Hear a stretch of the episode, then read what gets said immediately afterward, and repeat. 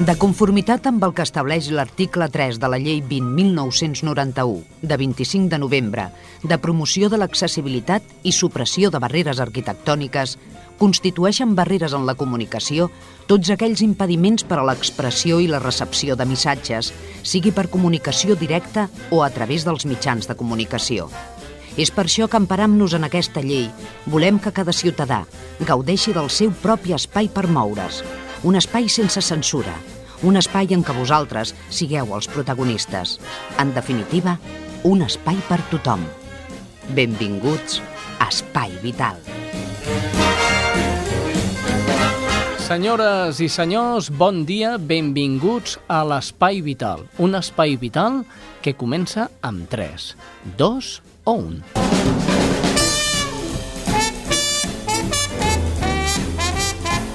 Estàs escoltant Espai Vital.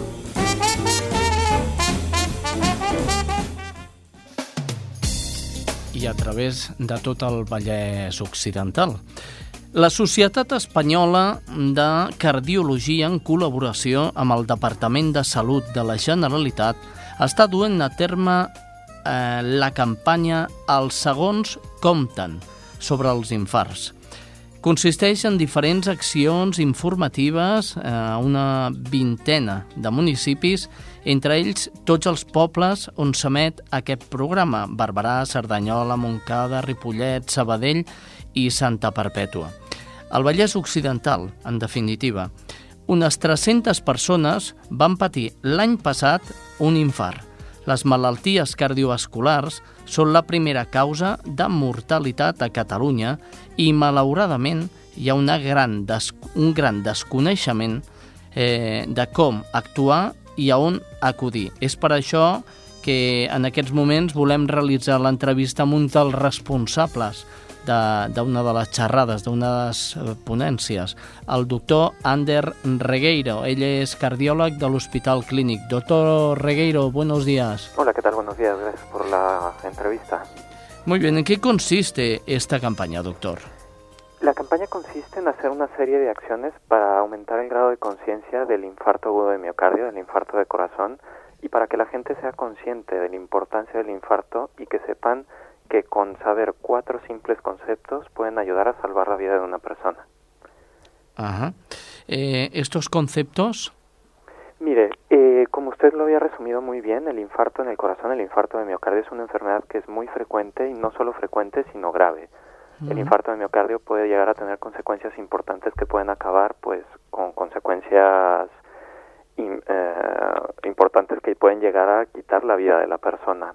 Los cuatro puntos importantes que debe de conocer en general todo el mundo, que no hace falta ser susceptible a tener un infarto, sino también una persona joven debe de conocer estos cuatro puntos, es primero reconocer los síntomas del infarto. El síntoma más frecuente del infarto es el dolor en el pecho. Sin embargo, aproximadamente el 50% de las mujeres, sobre todo en las mujeres mayores, pueden llegar a tener síntomas atípicos. Los síntomas atípicos pueden ser las palpitaciones, sudoración, náusea, malestar general, pero con, como concepto claro hay que reconocer los síntomas y el síntoma principal es el dolor en el pecho. Este es el primer punto. El segundo punto es que hay que actuar rápido. El infarto es una emergencia médica y conforme va pasando el tiempo vamos perdiendo oportunidades para salvar más corazón después de tener un infarto conforme va pasando el tiempo, las consecuencias de un infarto pueden ser mayores, por lo tanto, hay que actuar rápido. Este es el segundo punto. El primero, reconoce los síntomas, el segundo, actúa rápido, el tercero es llama al 112. Hay que actuar rápido llamando al 112 porque es la manera más efectiva de recibir el tratamiento. Esto hay que hacerlo porque al momento de llamar al 112 nosotros lo que recibimos es la atención médica de personal muy capacitado y muy equipado en el mismo domicilio o en la calle o en donde se encuentre la persona. Hay que recalcar que aproximadamente la mitad de las personas que mueren por un infarto en el corazón lo hacen antes de llegar al hospital. Por lo tanto, si nosotros actuamos rápido y llamamos al 112, la ambulancia con personal capacitado nos atenderá inmediatamente. El cuarto punto es recibe el tratamiento.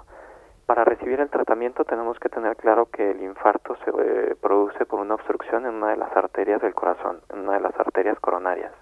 Por lo tanto, para recibir el tratamiento hay que ser trasladado a un centro en donde se hacen un, un procedimiento que se llama cateterismo cardíaco. Por lo tanto, resumiendo, los cuatro puntos son reconoce los síntomas, el dolor de pecho, el segundo punto, actúa rápido, el tercero, llama al 112 y el cuarto recibe el tratamiento adecuado. El dolor de pecho es un síntoma evidente, pero no a todo el mundo que le duela el pecho quiere decir que le está dando un ataque al corazón. Exactamente, esto también es importante, pero hay que remarcar y hay que hacer, es para esto, el, de hecho, el objetivo de la campaña, que una persona si tiene un dolor de pecho, evidentemente puede tener muchas otras, muchos otros problemas aparte del infarto. El dolor de pecho podría ser por un problema muscular, por ejemplo. Sin embargo, ante cualquier duda es mejor llamar al 112 para recibir la atención médica porque las consecuencias de no llamar pueden llegar a ser graves. En cambio, si tenemos dudas, llamamos al 112 y el personal calificado y equipado nos atiende y descarta la presencia de un infarto, se ha evitado, bueno, o sea, no pasará nada. En cambio, las consecuencias de no llamar pueden llegar a ser bastante graves. Doctor, ¿cuál es el nivel de conocimiento de la ciudadanía eh, a la hora de conocer un, un, ataque al corazón, un infarto? En Cataluña se sabe que aproximadamente una tercera parte de las personas que, que tienen un infarto llaman al 112, esto quiere decir que reconocen los síntomas y que son atendidos por el personal médico en, donde estén teniendo el infarto. Este es un porcentaje que es bastante mejorable. Aquí tenemos la oportunidad, y por eso es que estamos haciendo la campaña, de aumentar el grado de conciencia de los síntomas para que la gente sepa que pueden recibir la atención médica de una manera mucho más eficaz. Repito, solo una de cada tres personas reciben atención médica a través del SEM. Por lo tanto, si aumentamos nosotros el grado de conciencia en la gente, y con esto hacemos que este número aumente, los resultados después de haber sufrido un infarto pueden ser mucho mejores. Doctor, hagamos pedagogía.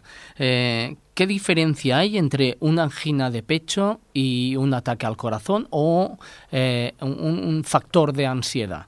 Mire, la diferencia simple, esto es simplificando mucho, en realidad podría ser un poco más complejo, pero para simplificarlo, mm. una angina, en un infarto del corazón, en un infarto de miocardio, la arteria del corazón, la arteria coronaria, está completamente obstruida, está bloqueada por un coágulo, por lo tanto, si nosotros, mediante el tratamiento, mediante un cateterismo cardíaco, una serie de medicamentos, no abrimos de nuevo el flujo dentro de la arteria del corazón, la parte del corazón que recibe sangre dependiente de esta arteria morirá. Entonces, un infarto de miocardio ocurre por una obstrucción completa del flujo dentro de las arterias del corazón. En cambio, una angina de pecho es una situación en la cual la mayoría de las veces existe una pequeña estenosis o una estrechez dentro de la arteria sin que haya una obstrucción por completo. Y esto se puede ejemplificar de una manera muy sencilla. Una persona tiene una angina de pecho pues por ejemplo, cuando si está sentado está tranquilo, su corazón está latiendo a unos 60 latidos por minuto. En cambio, si tiene que empezar a subir escaleras y hacer un poco más de esfuerzo, el corazón tendrá que trabajar un poco más. Si en este corazón existe una pequeña estrechez en una de las arterias, el flujo no será el suficiente y por lo tanto empezará a tener eh, dolor de pecho. Cuando esta persona deja de hacer esfuerzo y el corazón deja de latir más rápido y la presión empieza a disminuir, el flujo se vuelve a recuperar y el dolor de pecho desaparece. Por lo tanto, en la angina de pecho, la mayoría de las veces el dolor se desencadena en el esfuerzo y se quita en el reposo. En cambio, en el infarto de miocardio, en el infarto del corazón, como la arteria está completamente obstruida, este dolor puede ocurrir en reposo y no se quitará hasta que el tratamiento no haya sido capaz de abrir la, la arteria. ¿Qué es lo que hace que, la gente tenga infartos de miocardio y anginas de pecho? Estamos tan podridos, y perdone la expresión, que nos está dando que o, el nivel de anginas de pecho y miocardio no son tampoco tantos. No, es evidente que el problema de la enfermedad de las arterias del corazón es muy, muy prevalente. De hecho, la principal dentro de, junto con las enfermedades de las arterias del cerebro, o sea, las enfermedades del aparato cardiovascular son la principal causa de muerte no solo en Cataluña, sino en España y en Europa. O sea, es una enfermedad muy, muy prevalente. ¿Y qué es lo que hace que esta enfermedad sea tan prevalente? Bueno, pues la presencia de factores de riesgo. Una persona tiene mayor riesgo de tener un infarto cuando tiene alguno de los factores de riesgo que mencionaré a continuación. Los factores de riesgo se pueden dividir en unos que podemos modificar y otros que no se pueden modificar. Los hmm. que no se modifican, por ejemplo, sería la edad. Conforme una persona va cumpliendo años, aumenta el grado de riesgo de tener un infarto en el corazón. Si usted encuentra, no podemos hacer nada. Si usted encuentra una solución para solucionar el tema de la edad, usted, usted me lo dice. Sí, sí, sí, nos ganaremos el Nobel, pero no, para esto evidentemente no se podrá solucionar. Por lo tanto, dentro, dentro del grupo de factores de riesgo que no se modifican, la edad junto con el sexo, ser hombre o mujer, y los factores genéticos. Una cosa también muy importante para remarcar es que la enfermedad de las arterias del corazón y el infarto de miocardio no es exclusivo de los hombres. Esta es una enfermedad que puede ocurrir en las mujeres y que no se tiene conciencia de esto. Por lo tanto, una mujer, si llega a tener dolor en el pecho o síntomas de infarto, tiene que ser consciente que puede tener esta enfermedad. Por lo tanto, debe de recibir atención médica de manera inmediata. El riesgo de tener un infarto eh, para las mujeres aumenta después de la menopausia, cuando pierden el efecto protector de las hormonas. Por lo tanto, las mujeres también pueden llegar a tener infartos de miocardio, a pesar de que se cree que la enfermedad de las arterias del corazón es una enfermedad exclusiva de los hombres. Y ahora, pasando a los factores de riesgo que sí que podemos modificar, pues bueno, están el colesterol alto, la hipertensión, la diabetes mellitus, que estas tres enfermedades en principio no dan ningún síntoma, por lo tanto hay que identificarlas y para esto hay que ir a revisiones periódicas con el, con el médico de cabecera. Y otros factores de riesgo que podemos modificar, pues es el tabaquismo, no solo fumar, sino también estar al lado de una persona que fuma, o sea, el tabaquismo pasivo, esto puede aumentar el riesgo, el sedentarismo y el estrés. Eh, usted recomienda, me decía eh, hace unos instantes, eh, llamar rápidamente al 112. Exactamente. ¿No sirve coger el coche y llevarlo al hospital? No, y esto se ejemplifica de, de una manera muy sencilla. Como había mencionado antes, las personas que tienen un infarto suelen tener las complicaciones en las primeras horas del infarto. Por lo tanto, si nosotros creemos que tenemos el centro de salud a cinco minutos y tenemos el coche abajo, si llevamos a esta persona al centro de salud en el coche y esta persona tiene una arritmia, por ejemplo, y se para el corazón, pues eh, la hemos complicado, pero completamente. Ah. En cambio, si nosotros llamamos al 112, la ambulancia llegará al domicilio y en el momento en el que llega el médico o el personal de enfermería a atenderlo, está cubierto para, para tratar pues esta serie de complicaciones que pueden ocurrir. El otro punto es que lo que nosotros ganamos al llamar al 112 es que si recibimos la atención médica en el domicilio y se identifica el problema del infarto, el personal de la ambulancia trasladará al enfermo directamente al hospital en donde podrá recibir la mejor atención. Por lo tanto, no tendrá que ir al centro de salud donde después lo tendrían que trasladar a un hospital en donde se tendría que acabar haciendo el cateterismo. Por lo tanto, nos ahorramos tiempo. Doctor, eh, eh, ¿hay predisposición genética a los infartos? Sí. Eh, el infarto, al ser una enfermedad muy prevalente, eh, pues esto hace que la mayoría, bueno, no la mayoría, pero un gran número de personas tenga familiares que han tenido un infarto. Lo que pasa es que no es lo mismo tener un familiar de 90, 95 años que ha tenido un infarto a tener un familiar de 50 o 55 años. Por lo tanto, la genética sí que juega un papel importante dentro de la, del desarrollo de la enfermedad de las arterias del corazón, pero sobre todo en aquellas personas que tienen familiares relativamente jóvenes, por lo tanto menores de 55 años. ¿Qué podemos hacer para prevenirlos? Para prevenir los infartos hay que controlar los factores de riesgo que podemos controlar y para esto hay que tener una alimentación balanceada, hay que eh, hacer revisiones periódicas con el médico de cabecera, dígame. Me lo explique, me lo explique. Alimentación, balanceada. Balanceada, esto quiere decir son normas muy generales. Tenemos que consumir poca sal, que ya de base consumimos mucha más de la que necesitamos. Poca sal, hay que consumir grasas en principio de origen vegetal, o sea, el aceite de oliva comparado, por ejemplo, con la manteca. Hay que, de preferencia, consumir mucha fruta, verdura y legumbres evitar las carnes rojas eh, en la medida de lo posible y consumir lácteos pues desnatados, por ejemplo. también afectan. Yo es, que, yo es que cuando usted me está hablando, me estoy un poco autoanalizando y me doy cuenta que yo como yogures y un montón de yogures. Sí, bueno, eh, si una persona tiene colesterol bien, tampoco, tampoco hay mucho problema. Lo que pasa es que en general se consume mucho más, o sea, los lácteos que no son desnatados pueden llegar a tener mucha grasa y sobre todo si los consumimos de manera muy habitual. Eh, se recomienda en general si estamos consumiendo muchos lácteos pues que sean que sean desnatados. Si no tienen problemas de colesterol, de presión alta o de diabetes, comer un yogur que no es desnatado pues vaya que tampoco pasa nada. Muy bien, doctor Reguero, muchísimas gracias por haber estado aquí y habernos aclarado un poquito más todo esto del infarto de miocardio. Y a ustedes, todos los que nos escuchan, sobre todo, no coman muchos lácteos, no coman carne roja o mucha en este caso. Todos los excesos son malos, doctor. Exactamente, y sobre todo que recuerden que ante cualquier duda y dolor en el pecho, pues llamar al 112 inmediatamente. Muy bien, doctor, muchas gracias y buenos días.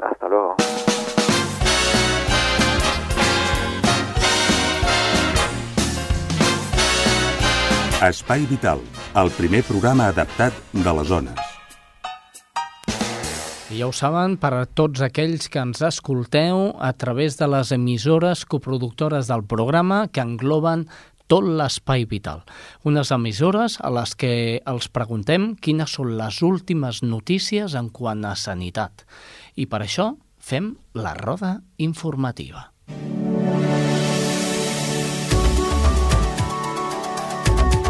sense més esperes anem ràpidament per la primera de les poblacions. En aquest cas és Cerdanyola. Des de Cerdanyola ens informa Rosa Morante. Salutacions, Espai Vital des de Cerdanyola Ràdio. Avui us parlem de la col·laboració municipal amb un projecte sociosanitari a Mèxic.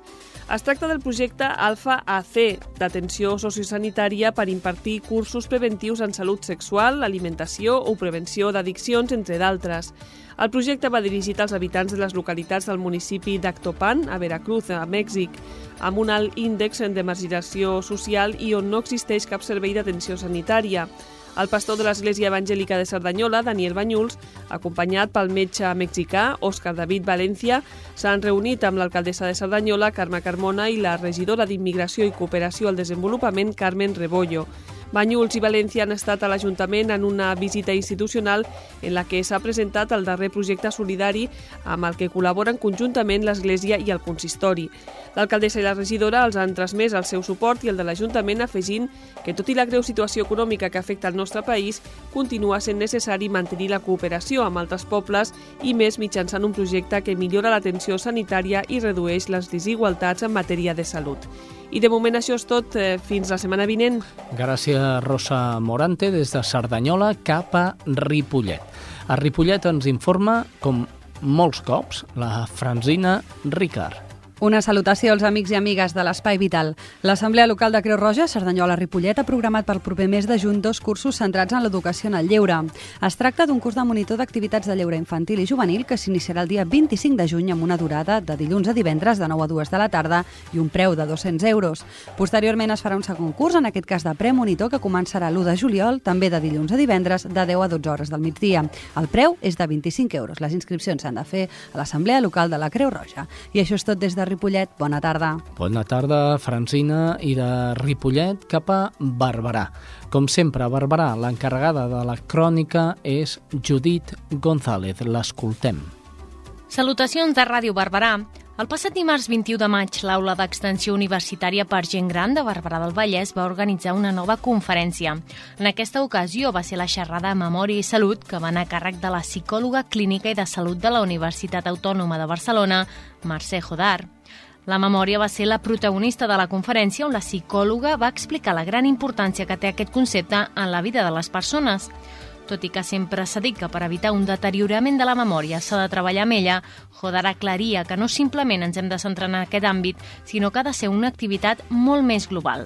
Recordem que l'Aula d'Extensió Universitària, que es va constituir oficialment el novembre del 2011, és una associació d'àmbit cultural que programa dos cops al mes conferències i xerrades de temàtiques ben diverses, impartides per professors, catedràtics d'universitat i per especialistes de reconegut prestigi. Els temes de les conferències són escollits pels membres de l'entitat segons les preferències expressades pels mateixos. Fins la setmana vinent. Gràcies, Laura Grau. Des de Ràdio Barberà anem cap a Montcada Ràdio. Allà ens espera la Laura Grau. Salutacions des de Montcada, l'Espai Vital. Aquesta setmana us volem informar d'una nova iniciativa de l'Associació de Discapacitats de Montcada i Reixac, que ha elaborat un projecte denominat Didàctica que pretén omplir el buit formatiu existent actualment per als joves discapacitats d'entre 16 i 21 anys. La llei diu que fins als 21 pot haver formació per als alumnes amb mancances intel·lectuals, però en la pràctica, als 17 anys s'acostuma a acabar la seva etapa educativa. Coneixedor del projecte, el senador de CiU, Josep Lluís Claries, exconseller de Benestar Social, s'ha compromès a concertar una reunió amb el govern català perquè Dimir pugui explicar-lo i portar-lo al Congrés dels Diputats, ja que un dels objectius és canviar la llei educativa per permetre que els joves discapacitats puguin treure's el títol d'ESO i, posteriorment, cursar un pla de qualificació professional inicial, un PQPI. Actualment, si un alumne, discapacitat o no, acaba amb èxit l'etapa obligatòria, no pot fer aquesta formació, ja que aquests programes estan pensats per pal·liar el fracàs escolar. Amb aquesta interessant iniciativa d'Adimir, us deixem aquesta setmana. Això és tot des de Montcada Ràdio per l'Espai Vital. Gràcies, Laura Grau, i de Montcada cap a Santa Perpètua. Allà es troba, com sempre, Estrella Núñez. Hola, salutacions des de Santa Perpètua. Una veïna del municipi, Bàrbara Arco, que més és treballadora dels mitjans de comunicació municipals, ha estat guardonada juntament amb la seva companya de direcció, Bea Amador Lòriga, pel seu primer documental, Capacitats, que ja es va presentar a Santa Barbètua el 17 de juny de 2012. L'Organització Nacional de Secs d'Espanya, ONCE, ha atorgat el Premi Tiflos de Periodisme en la categoria de televisió a aquest audiovisual ballesà amb una dotació econòmica de 9.000 euros. El jurat ha valorat de capacitats l'acurada producció, molt elegant i molt cuidada, i ha destacat que reflexa com és possible l'autonomia de les persones persones amb discapacitats i treu a la llum la independència que desitgen. El documental Capacitats va ser emès per Vallès Oriental Televisió i tracta el dia a dia de tres persones amb discapacitat intel·lectual que conviuen a la llar residència al Bosc de Mollet del Vallès. L'eix central del reportatge és la independència i l'esforç per desenvolupar les seves capacitats. El documental està coproduït per la productora Borboleta Produccions i el SIDAC, el Centre d'Investigació i Distribució Audiovisual de Granollers, que va atorgar una subvenció a les directores per a la seva realització. Juntament amb el documental Capacitats, capacitats. L'ONCE ha premiat també el diari El Mundo, a Radio 5 i al web periodismohumano.com. Els Premis Tiflos de Periodisme es lliuraran properament a Madrid en un acte públic. Les directores Bàrbara Arco i Bea Amado Lòriga van rodar capacitats entre els mesos de novembre i desembre de l'any 2011. De moment això és tot des de Santa Barbètua. Moltes gràcies, Estrella Núñez. I ja, per últim, anem a Sabadell. Des de Sabadell ens informa Karen Madrid. Salutacions des de Sabadell. Fa només unes setmanes us parlàvem d'una vessant desconeguda de l'atenció primària, la investigació. A la zona de la comarca, de fet, s'està en procés de creació d'un grup d'investigació que seria el primer de tot Catalunya que no està lligat a un centre hospitalari. Doncs bé, tot i que aquest grup encara no és oficial, sí que ja està buscant successors entre els metges que estan estudiant al MIR als CAPs ballesans. Els fan fer un treball d'investigació durant el seu últim any de formació d'alguna de les branques que ja s'està investigant i després en presenten els resultats davant dels professionals sanitaris. Sembla ser que l'interès per la recerca va creixent i podria arribar a igualar la que es fa als hospitals. És tot des de Sabadell.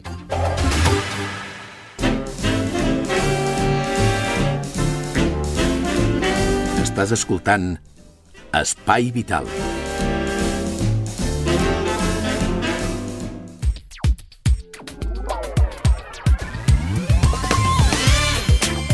Ara l'Espai Vital és el moment de la psicologia i ho fem amb el nostre psicòleg particular, el Jaume Guinot. Jaume, bon dia. Hola, molt bon dia. Com estem? Bé, bé. El Jaume Guinot, a part de trobar-lo a la ràdio, els dimecres, el podeu trobar a psicologiagranollers.com. És Correcte. així o no? Ho he dit bé o no? Així Jaume? mateix. Què tens? Eh, una web, dos webs? No, la web és psicologiagranollers.com, a partir d'aquí estan tot el tema de xarxes socials i de més. I jo sempre dic 24 hores al telèfon, el 625 65 11 98, perdó, 98 11, Ah. que això estic sempre. Molt bé, doncs avui, eh, senyor Guinot, parlem de, de conviure amb una malaltia tan fotuda com és la demència. Eh, digui'm vostè si m'equivoco, però em sembla que no, no? Mm, que no? No m'equivoco, no? No. Que no, és no. fotuda aquesta malaltia. Eh, és molt fotut per la persona que ho passa i, i moltes vegades és molt difícil de gestionar per la persona que hi ha a l'entorn. La persona que hi ha a l'entorn ha de... Primer de tot hem de saber quin tipus de patologia està patint aquesta persona, això és important, dir, el metge ens podrà orientar, dir, doncs mira, això va més cap aquí, cap allà, i a partir d'aquí és quan nosaltres sempre donem una orientació de pautes, com tractar-ho, eh, què dir, què no dir. És a dir, perquè ens entengui la gent, bàsicament tindríem tres tipus de eh, demències, vale? jo, eh, fent-ho molt a, a grosso modo. La que tothom entendria i tothom ha vist alguna vegada, que és la, el conegut alemany, aquest que em té despistat, que és l'Alzheimer. Eh, L'Alzheimer, que seria allò, el més conegut. Després hi ha la demència senil pròpia de l'edat, mm -hmm. que aquesta, si tots visquéssim 150 anys, doncs arribaria un moment que l'aniríem patint, i després hi ha un altre tipus de demència, que és la demència vascular. Serien bàsicament les tres. Diferències. En el primer cas notarem doncs, que aquesta persona va perdent facultats de, eh, de saber fer tasques senzilles. Un dia s'ha oblidat de com es posa una cafetera. El dia següent no recorda com es corden les sabates. Aquí ja estem parlant d'estats més avançats. De moment, normalment, aquest tipus de patologia comença per mm, la persona es despista, de cop i volta no recorda com anar a un lloc, després sembla que ho torna a recordar... Vale, tots hem vist l'exemple del, del Maragall i jo recomano veure la, la pel·lícula del eh, Bicicleta Cullera Poma, Ah. vale, que era molt explicativa eh, de com funciona aquest tipus de patologia. És a dir, la persona va perdent facultats i aquestes facultats ja no es recuperen. Però les va perdent a passos agegantats o a petits passets i, i Depèn. anar assumint, no sé. Depèn molt del, del, del cas, de la persona. Mm, habitualment un Alzheimer pot durar anys. I quan parlem d'anys pot dir que pot durar 10 anys, 15 anys. Mm -hmm. Aquesta persona anirà perdent facultats. Eh, en el cas, per exemple, de la demència habitual que tenim tots i que tots anem patint, allò que ens estem fent grans, doncs no es veuen aquestes pèrdues tan exagerades de no saber fer alguna cosa, és a dir, em puc despistar en un moment donat i no recordo com es feia alguna cosa, però si me l'expliques sí que puc tornar a recomposar aquella informació. Ah. Vale? Mentre que en el primer cas no ho faríem. I en el tercer cas, eh, quan hi ha un tema vascular, habitualment el que més nota la gent és que aquella persona fa alt i baixos. I quan dic alt i baixos vol dir que pel matí pot saber fer una cosa que per la tarda no sap fer i al dia següent la torna a saber fer. I no cal que ningú li hagi explicat ni ningú ja li fet res. Aquesta persona, perquè ens entenguem, el que li passa és que va perdent petites àrees del cervell, eh, van perdent la seva funció. I llavors el cervell, doncs, mica en mica intenta jo fer un apanyo i pam, en- enllaça per una altra banda i aquella informació que s'ha perdut aquí ara sembla que funciona per allà, no? Vale? Fins que al final allò, doncs clar, evidentment la persona arriba un moment en què ja no hi ha manera de recomposar i, i perd totalment el, el, el sentit. Uh, en tots els casos, jo sempre li recomano a la gent que sobretot eh, no intenten discutir-los amb una persona ni amb Alzheimer ni amb una persona amb una demència vascular, dona igual el... no intentem discutir-li sobretot quan és més fotut per ells, que és quan no recorden alguna cosa. Mm -hmm. No ho recordo. Doncs no passa res. Però és que jo havia, això ho sabia fer. Bueno, res, això t'ho has oblidat. Eh, no li treure l'importància. Eh, per què? Perquè sobretot penseu que amb el tema de les demències vasculars això va i ve, amb la qual aquella persona en aquell moment no recorda saber-ho fer i al cap de 5 hores et dirà que sap com es feia. O al dia següent et dirà, ah sí, allò que et vaig dir, ah ja sé com va. Bueno, fantàstic. Veus que no me'n recordava. Bueno, no, no, no passa res, allò de... Vale? Intentemos minimitzar. Perquè el pitjor que li podem fer a aquella persona és intentar que ho faci. No és com un nen petit que li dius vinga, va, no saps fer el problema, ens hi posarem i el, i el solucionaràs. No? Aquí no hi ha recursos, no hi ha capacitat. L'únic que estem aconseguint quan estem fent això amb aquesta persona és posar-lo més i més nerviós, crear-li més i més ansietat i aquesta ansietat cada vegada anirà fent que mm, la malaltia avanci més de pressa. Vagi a pitjor. Per tant, és allò, màximo relax. No sé això, no passa res. No és allò, no va passar res. Vale? Bueno, tenim els tres tipus de demència, però el que sí m'agradaria tractar amb vostè, senyor Guinot, és com conviure amb, amb els malalts de demència, de qualsevol dels tres tipus. A veure, la, la convivència... Bueno, el primer no discutir, això ja sí, m'ha quedat això, clar, això, no? El això primer no, claríssim. no discutir. Se, segon, i això és una que eh, costa assumir, és que la vida és com un pèndol, no? I quan nosaltres som petits estem en un extrem del pèndol i els papes ens cuiden a nosaltres i quan arriba aquesta etapa estem a l'altre extrem del pèndol i ara som nosaltres els que cuidem dels papes. I al igual que feien els papes amb nosaltres quan teníem 4 anys i no sabíem fer les coses, doncs eh, de vegades pot resultar molt difícil, però és acceptar que aquesta persona ara mateix ja no té la capacitat que tenia i, per tant, necessita de la nostra ajuda. I necessita la nostra ajuda en el sentit de que mm, haurem d'estar-hi a sobre, haurem de controlar-lo, que potser no li agradarà, bueno, com no ens agrada a nosaltres quan érem petits que ens controlessin, ja ho sabem que no li agradarà, vale? però de t'has de posar en el paper i dir ara em toca a mi fer de mama, ara em toca a mi fer de papa, vale? ara tu ja no ho pots fer, ja no pots cuidar de mi i jo haig de cuidar de tu. Vale? Pensem que una persona amb, aquest, amb qualsevol tipus de demència, però eh, que en un moment donat aquesta persona, una persona amb Alzheimer que oblida on viu, qui és, eh, que recorda, això tothom que ha tingut un malalt d'Alzheimer a prou ho ha vist, que en un moment donat comença a recomposar la seva vida a partir del passat, només recorden el passat. Doncs és habitual que pugui sortir de casa i, i no sap tornar perquè no recorda on viu, perquè recorda on vivia fa 30 anys. I a lo millor se'n va on vivia fa 30 anys, que era la masia que hi havia al poble, que ja no existeix, perquè hi ha un bloc de pisos, i, i ja no sap com tornar a casa. Però tampoc se li acudirà demanar ajuda. Bé, i en situacions, podem estar en situacions molt dramàtiques. Vale? Jo recordo fa un parell d'anys a, a les franqueses un avi que va, això es va perdre i va aparèixer, doncs al cap de dos dies va aparèixer mort. Ja, estem parlant d'una persona amb una salut més o menys delicada, es va perdre, se'n va anar pel camp i va morir pues, eh, per falta d'hidratació, bàsicament. Uh -huh. es, es va quedar allà sentat i és que es va morir. Llavors hem de ser molt conscients que aquestes persones hem d'estar-hi molt a sobre, que necessiten algú que, que ha d'estar mm, moltes vegades permanentment pendent d'ells, i jo sempre recomano a la gent que tampoc ens trenquem la closca amb aquests temes, que si no som capaços de assumir-ho a casa, no tenim la capacitat, no tenim el temps, no tenim els recursos, mireu, sincerament, el millor que podem fer és anar a una residència especialitzada, un lloc on els puguin tractar, perquè tindrem personal format, gent que està especialitzada en aquest tema, coses que nosaltres a casa, encara que ens sembli que ho fem meravellosament bé, no tenim la capacitat d'estar-hi 24 hores al dia a sobre. Vale? I també és fotut tenir que estar dormint amb un ull obert i l'altre tancat a veure si no se li acudirà obrir la porta i marxar. O coses d'aquest estil. O se li acudirà a la iaia aixecar-se a les 4 del matí, posar-se a fer un cafè i oblidar-se de tancar el gas. Mm -hmm. Coses d'aquestes que eh, qui ha tingut malalts eh, d'aquest tipus a casa ho saben, ja els hi ha passat.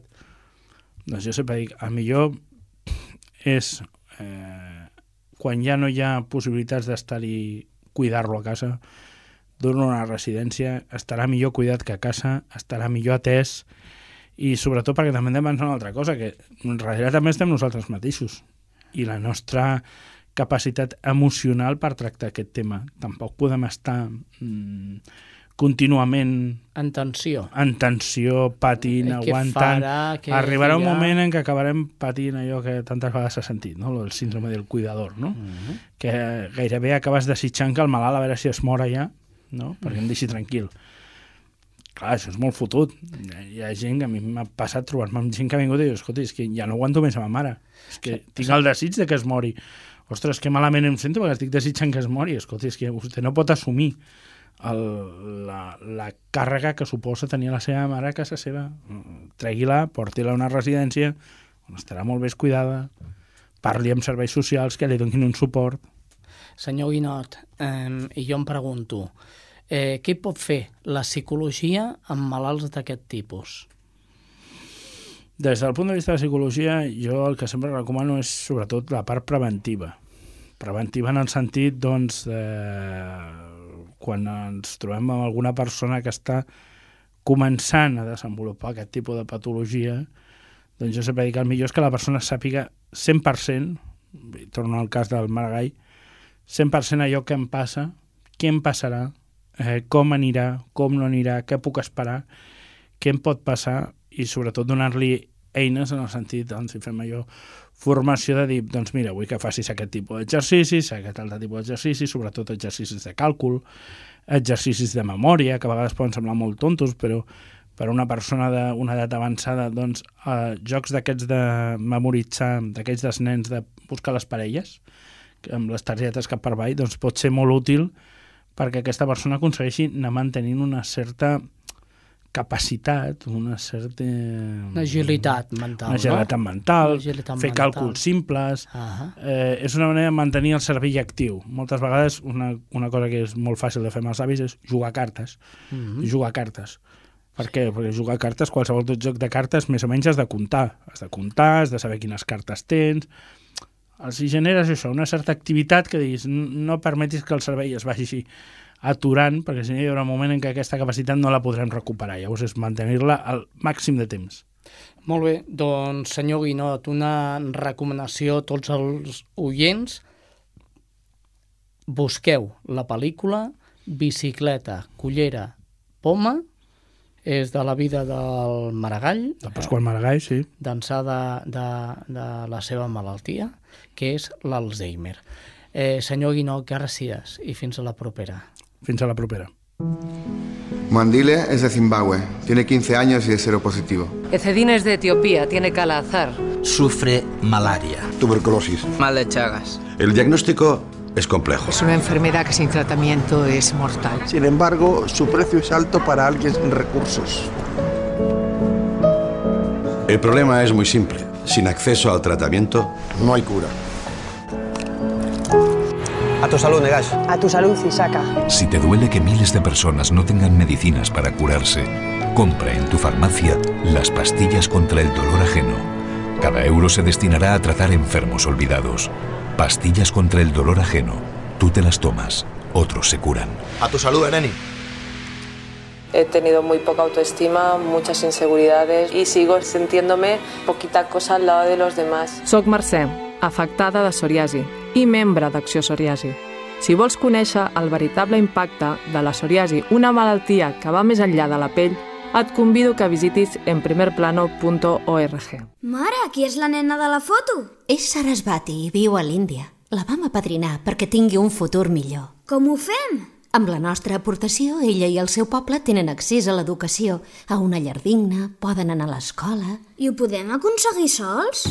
Junts el canvi és possible. Entra a www.fundacionvicenteferrer.org o truca al 902 370 377. Cibermaratón Fundación Vicente Ferrer. Apadrina per deixar de padrinar. Saps llegir? Ells no. Podem canviar-ho. Truca a Mans Unides 93 487 78 78. Units treballarem per a donar una educació completa als nens sense escolaritzar que hi ha al món. Mans Unides 93 487 78 78. Això és Espai Vital. Ara el que volem fer és anar a conèixer el capítol 22 del llibre El món groc, un llibre d'Albert Espinosa, passada a capítols de la ràdio, mitjançant la veu de Carlos Soler. Anem a escoltar-lo. A continuació us oferim El món groc, una obra d'Albert Espinosa, versió radiofònica produïda per l'associació Espai Vital.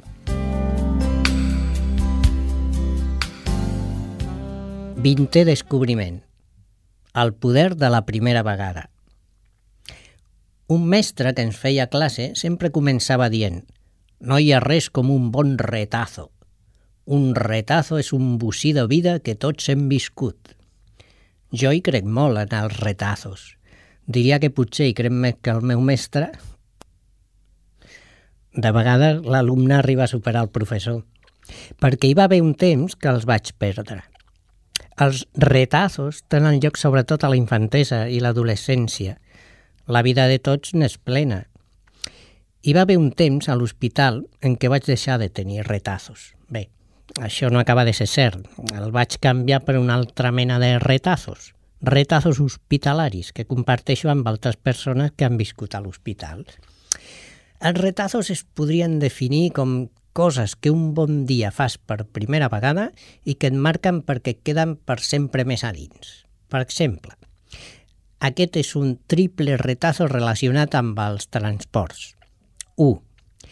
Arriba un dia que és el primer que surts de l'escola amb un company i que tornes a casa amb ell caminant xerrant de vostres coses. Tots l'hem viscut aquest moment, caminar amb una persona i tot d'una separar-te'n és una manera de sentir-nos adults. És màgic, és un retazo de quan es tenen 7 o 8 anys. 2. Anys després, cap als 16, en vius un altre que té a veure amb el fet d'arribar a casa. Ja no hi vas a peu a casa, sinó que hi vas amb el teu primer taxi. Vas amb un amic, crida un taxi, no el trobeu, rondineu perquè no para... Aquest és un altre retazo de maduresa, de sentir que creixes. 3.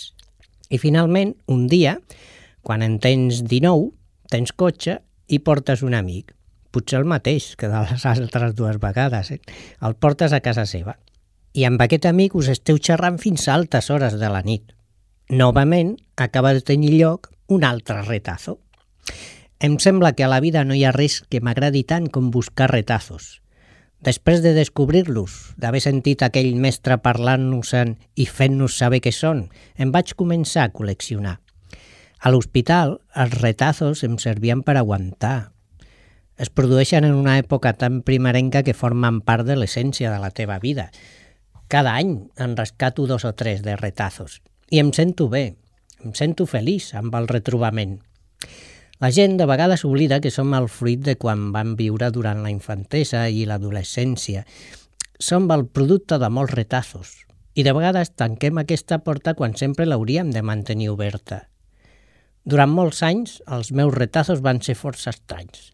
La primera amputació de la cama, la pèrdua d'un pulmó, però no deixen de ser retazos. Encara ara, d'adults, vivim molts retazos. El que passa és que no ens adonem.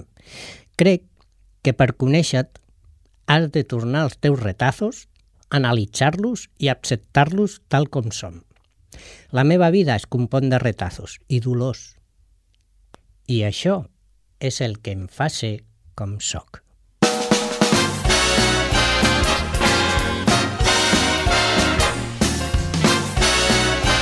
Espai Vital, el primer programa adaptat de les zones. No us fa un run-run la vostra panxa? Això vol dir que és hora de, de jalar.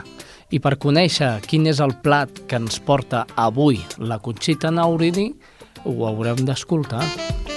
Escoltem-la.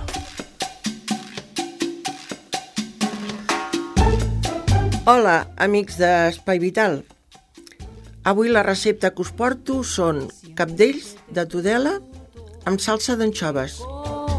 cuándo y dónde, tú siempre me respondes. Quizás, quizás, quizás. Ingredients. 4 capdells de tudela, 16 puntes d'espàrrecs, 8 filets d'anxova, un pebrot escalivat, dos ous durs i després anoteu per la salsa d'acompanyament necessitem 4 filets d'anxova, un tros de pebrot vermell escalivat, 12 cullerades d'oli d'oliva i pebre molt. Pasan los días y yo desesperada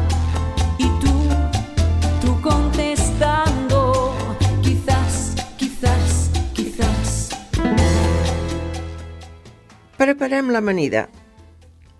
Netejarem els capdells, els partirem per la meitat i els col·loquem en una platera i damunt de cada mig capdell hi posarem dues puntes d'espàrrec, un filet d'anxova i una tireta de pebrot.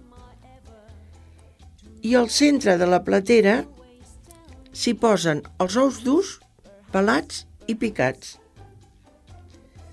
Per fer la salsa es trossegen tots els ingredients que ja he dit i es trituren i es posa per damunt dels capdells.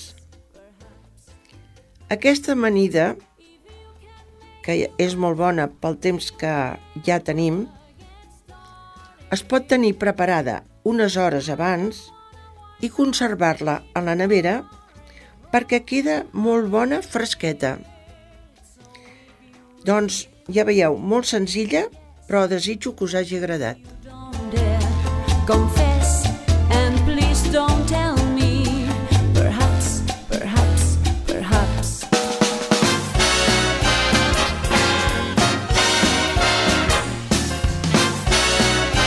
Espai Vital, el primer programa adaptat de les zones.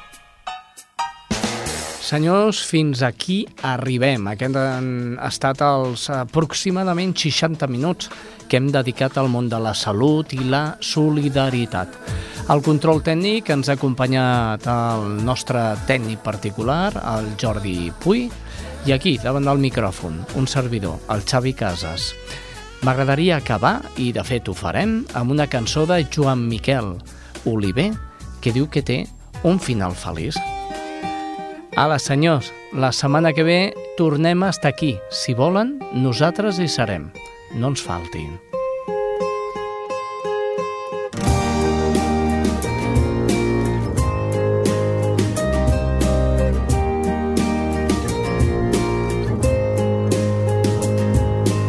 Ell va dir piscines, ella trampolins, ell va dir planetes, ella va dir quins, i quina pena és desencís, que rotunda i que valent no va ser precisament, no va ser un final feliç.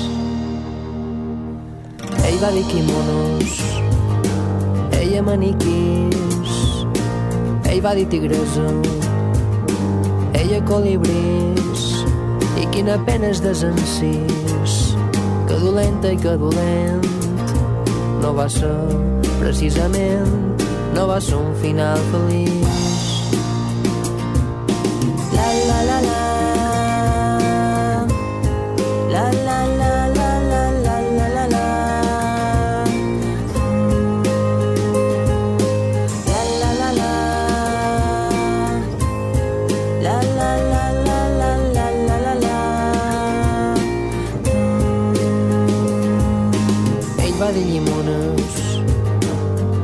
Dir groc. Ell va dir pintura ella va dir pot i quina pena és desencís que dolenta i que dolent. No va ser precisament no va ser un final feliç. I quina pena és desencís que rotunda i que valent. No va ser precisament no va ser un final feliç